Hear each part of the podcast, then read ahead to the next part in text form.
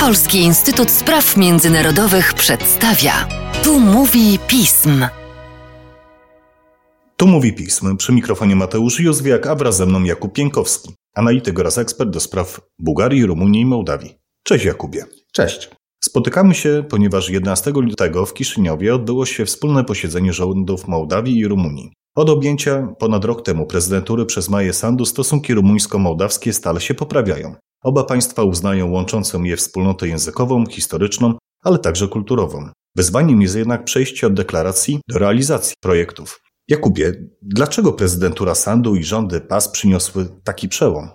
Przede wszystkim dlatego, że to oznaczało odsunięcie w końcu od władzy prezydenta Igora Dodona i jego partię socjalistów Republiki Mołdawii które to ugrupowania i który to prezydent Dodon były jednoznacznie wrogie wobec Rumunii, czy też y, może nawet nie tyle Rumunii, co rumuńskiemu punktowi widzenia na historię, na tożsamość, na kulturę i język, którym się posługują romańscy mieszkańcy Mołdawii. Otóż w ich narracji Dodona i socjalistów Mołdawianie to jest zupełnie inny naród niż Rumuni. Język oficjalnie nazywany mołdawskim, to jest zupełnie inny, no może troszeczkę podobny, ale jednak inny język niż rumuński. I w konsekwencji w historii Rumunia zawsze pełniła rolę oprawcy, kogoś, kto próbował zniszczyć Mołdawię, wynarodowić Mołdawian i to rzekomo nawet się udało, bo jeżeli popatrzymy na mapę, no to cała zachodnia część historycznego gospodarstwa mołdawskiego, tam gdzie są jasy, jest dzisiaj w Rumunii i tamtejsi ludzie mówią po rumuńsku. Natomiast ta część, którą Rosja anektowała w 1812 roku i która później znalazła się w ZSRR, to ta część zachowała rzekomo tę prawdziwą tkankę e, mołdawską, język, kulturę mołdawską, której to Dodon i socjaliści rzekomo bronili, a prezydent Sandu i jej partia Działania i Solidarności, która teraz samodzielnie rządzi, nie odwołuje się już do tych dosyć tak naprawdę absurdalnych twierdzeń, które popierali socjaliści, a skłonna jest przyznać, że z Rumunią Mołdawian łączą więzy językowe, historyczne, kulturowe i Rumunia jest tym państwem, które jest skłonne udzielać Mołdawii pomocy i w reformach wewnętrznych, i w jej integracji europejskiej. Cóż, polityka historyczna i spojrzenie na przeszłość zawsze bywa problemem w relacjach między sąsiadami. Jednak zwróciłeś uwagę na pewną wyjątkowość stosunków rumuńsko-mołdawskich. W jaki sposób one się jeszcze objawiają? Z punktu widzenia Rumunii i także znacznej części Mołdawian, Mołdawia to tak naprawdę jest drugie narodowe państwo rumuńskie.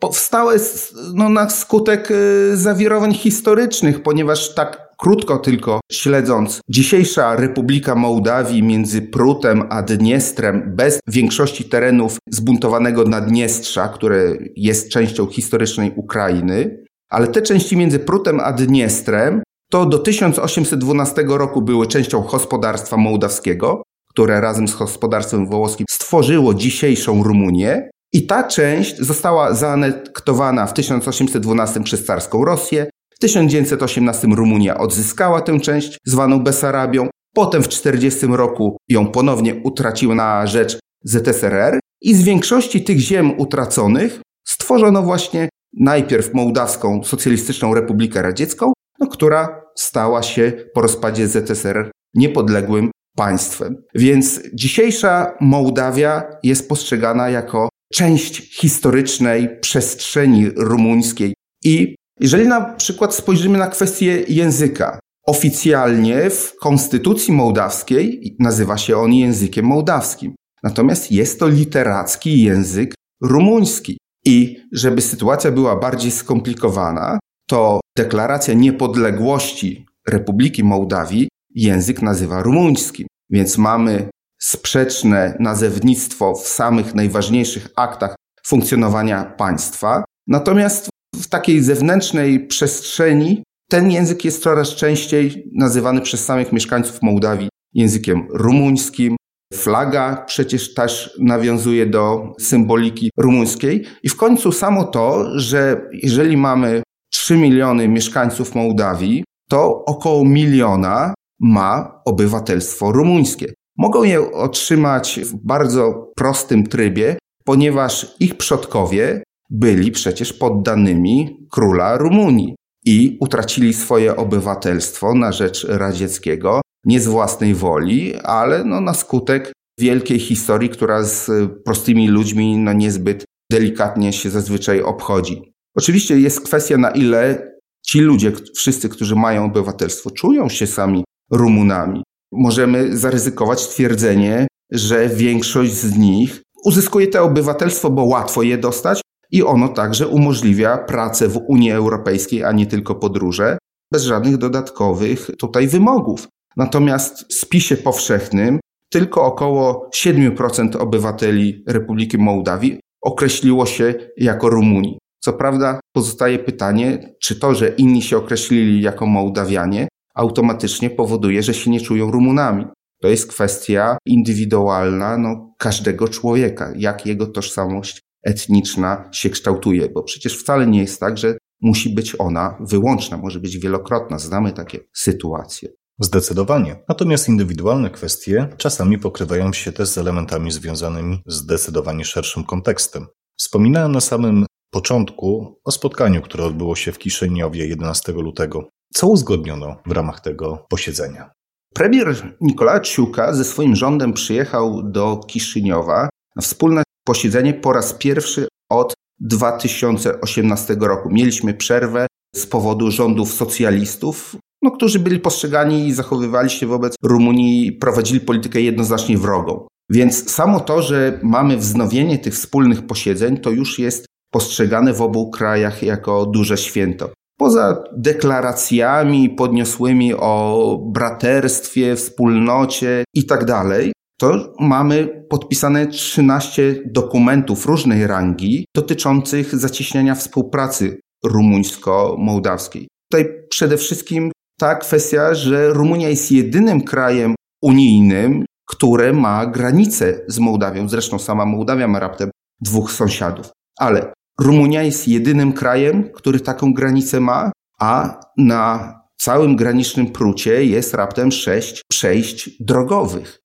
Od 1991 roku, kiedy Mołdawia uzyskała niepodległość, odbudowano raptem jeden most, a przed wojną tych mostów było 22. Więc najważniejszym postanowieniem tego spotkania jest decyzja o budowie nowego mostu w Ungenach, który skróci odległość między Jasami a Kiszyniowem o 50 km i czas podróży, co za tym idzie, nawet o 90 minut. Drugą rzeczą będzie remont y, mostu między Gałaczem a Dziurdziuleszcz. I taka rzecz, która no, będzie najbardziej odczuwalna chyba z punktu widzenia tak zwanego zwykłego mieszkańca Mołdawii, jest porozumienie o zniesieniu roamingu. Ma ono wejść w życie w ciągu trzech najbliższych miesięcy, ale skutkować to ma tym, że jeżeli ktoś będzie z Rumunii dzwonić do Mołdawii, to ta zniżka będzie dziesięciokrotna. W Rumunii, jeżeli odbierze telefon z Mołdawii, w ogóle nie będzie naliczany roaming, a transmisja danych będzie pięciokrotnie tańsza. Jeżeli popatrzymy, że jedna trzecia w ogóle ruchu w roamingu telefonicznego, którego dokonują Mołdawianie, przypada na Rumunię, czy jeżeli w skali Unii Europejskiej połowa przypada na Rumunię, to będzie rzeczywiście bardzo duża ulga, no, odczuwalna dla, dla zwykłych ludzi. Też tutaj ma być mm, zaciśniona współpraca, jeżeli chodzi o wymiar sprawiedliwości, walkę z korupcją, współpracę służb granicznych, dalszy rozwój współpracy oświatowej. No ponad 2000 miejsc w rumuńskich uczelniach i liceach dla e, mieszkańców Mołdawii e, z, ze stypendiami będzie przyznanych. Przy czym to jest też, pamiętajmy, kwestia taka niejednoznaczna w tym znaczeniu, że powoduje to przyspieszony drenaż mózgów, ponieważ Mołdawianie, którzy jadą na studia do Rumunii, rzadko kiedy wracają później do swojego kraju, a konsekwencją jest tego to, że brak jest wykształconych kadr, które no, mogłyby podjąć się trudu reformy kraju.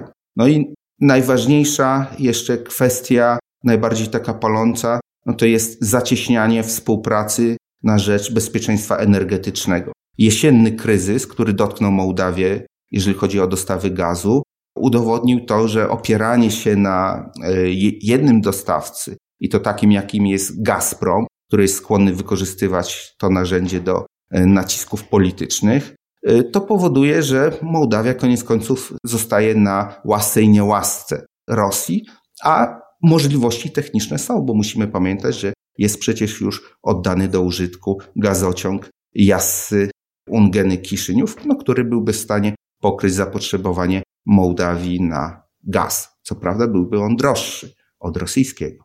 Jakie kwestie pozostają kluczowymi wyzwaniami w stosunkach rumuńsko-mołdawskich?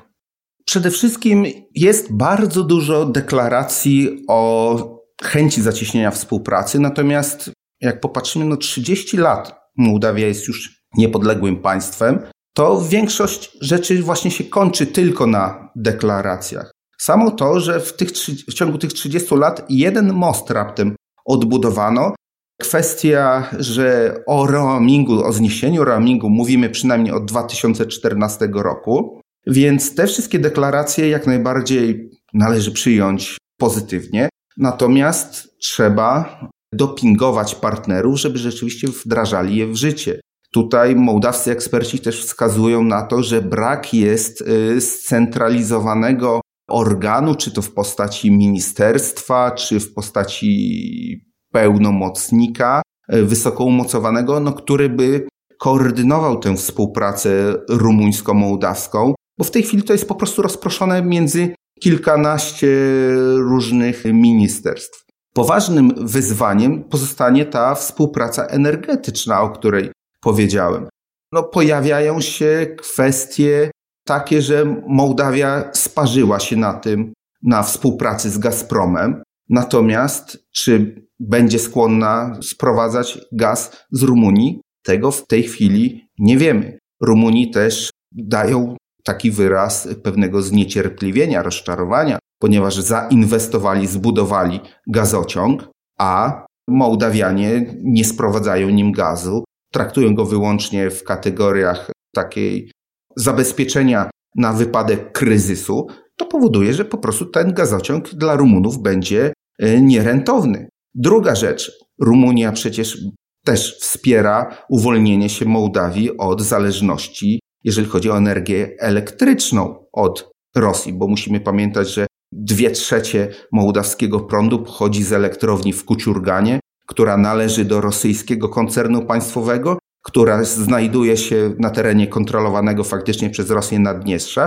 i która korzysta z, z dostarczanego przez Gazprom gazu i który rachunek za ten gaz idzie na konto, koniec końców, Mołdawii. I tutaj Rumunia wspiera te próby uniezależnienia się, budowę linii asynchronicznej, która by umożliwiała sprowadzanie prądu z Rumunii. No i co się dzieje? I kontrakt na budowę tej linii zostaje przyznany firmie indyjskiej. Oczywiście tutaj bierzemy pod uwagę, że to są kwestie prawa zamówień publicznych, natomiast Rumunii podnoszą, że ich firma została wykluczona z przetargu na skutek uchybień proceduralnych, które można było stosunkowo łatwo usunąć. Jeżeli mamy do czynienia ze strategicznymi partnerami, których relacje wykraczają poza y, relacje dobrosąsiedzkie, tylko są relacjami między dwoma bratnimi narodami, jak to liderzy obu państw podkreślają, no to tego typu zdarzenia no, muszą pozostawiać niesmak między partnerami. Oby jak najmniej takich przypadków i jak najwięcej okazji do tego, żeby słowa przekuć w czyny. Tymczasem dziękuję Ci, Jakubie, za dzisiejszy podcast. Dziękuję. Państwa zaś zachęcam do śledzenia naszej strony internetowej, czytania najnowszych biuletynów i komentarzy, śledzenia mediów społecznościowych i do usłyszenia.